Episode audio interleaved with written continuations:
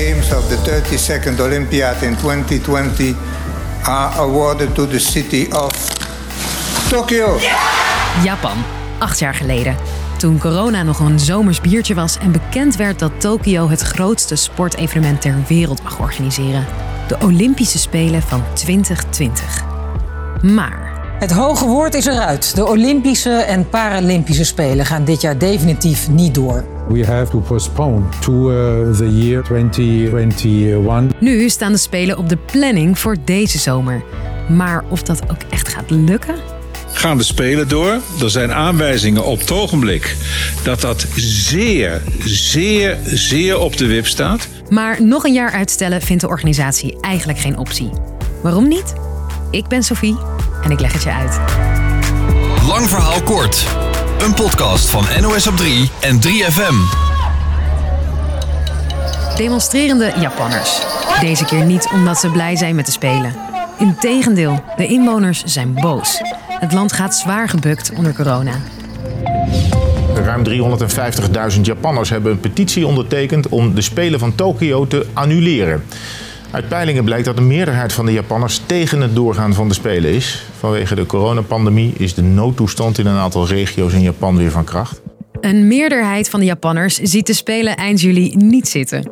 Nog maar 2% van de mensen is er gevaccineerd en de druk op de zorg is groot. De inwoners zijn bang dat de 160.000 sporters, trainers en journalisten die van over de hele wereld naar Japan komen, het virus verder verspreiden. De baas van een Japans megabedrijf noemt het doorgaan van de Spelen zelfs een zelfmoordmissie. dangerous. The risk is too big. to be very honest, I call it this is like a suicide mission. En ook de Japanse toptennister Naomi Osaka twijfelt of het wel zo'n goed idee is. As a human, I would say we're in a pandemic. En nu heeft ook een van de grootste kranten in Japan en een officiële partner van de Spelen van zich laten horen. Zij vinden het niet rationeel dat Japan gastheer zou zijn en eisen dat de premier het evenement cancelt.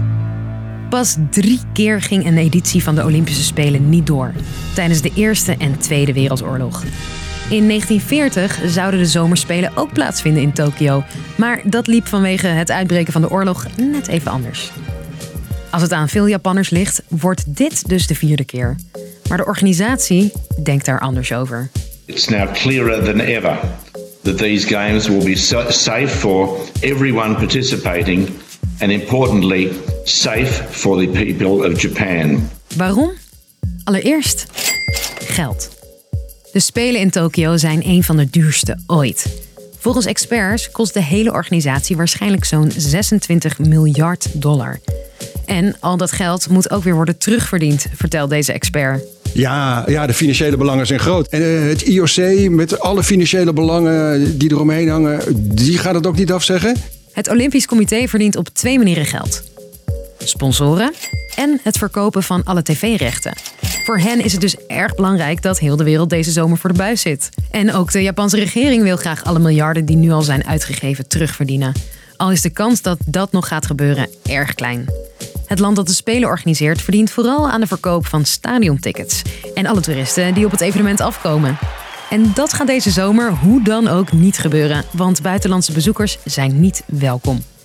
Toch trekt Japan de stekker er niet uit.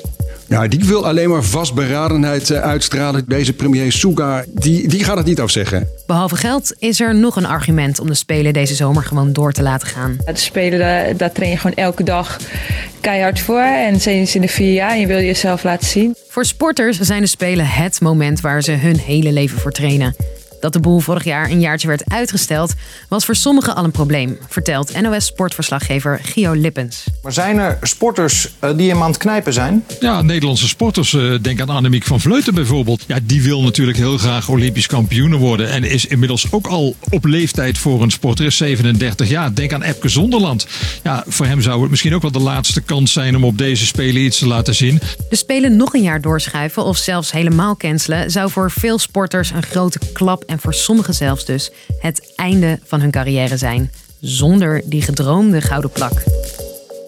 Je weet nu dus dat het niet zeker is of de Spelen doorgaan. De belangen zijn groot. Maar wanneer wordt die beslissing dan genomen? Azië-correspondent Sjoerd Dendaas zegt daarover. Of het gaat gebeuren is nog onduidelijk. Uh, de hint uh, die we kregen vorige week, een lid van het IOC, het Olympisch Comité, zei tegen Japanse media vorige week dat de definitieve deadline op ongeveer een maand uh, voor de Spelen ligt. eind juni zou dat zo'n beetje zijn. Ja, tot die tijd durf ik echt mijn hand er niet voor in het vuur te steken of ze nou wel of niet doorgaan. Tot dan maakt Japan nog geen aanstalten de Spelen af te blazen. Maar hoe dan?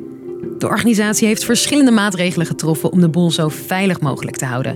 Sporters worden dagelijks gecheckt, buitenlandse fans zijn niet welkom en er wordt nog nagedacht of Japanse fans wel welkom zijn. It's nice to have spectators. It, it adds to the atmosphere during the competition, and we, we, we like that and look forward to it. But we'd rather have the games than have no games. In verschillende landen krijgen atleten die geplaatst zijn voor de Spelen voorrang bij de coronaprik. Ook in Nederland. Maar een gezellig feestje in Tokio, dat zit er niet in. Dus, lang verhaal kort. Veel Japanners zien de Olympische Spelen in coronatijd niet zitten. Maar de belangen voor de regering en de organisatie zijn groot. Voor nu kan het dus nog in je agenda blijven staan. Wat ook in je agenda kan blijven staan, is dat we elke dag een nieuwe aflevering uploaden. Thanks voor het luisteren en tot morgen.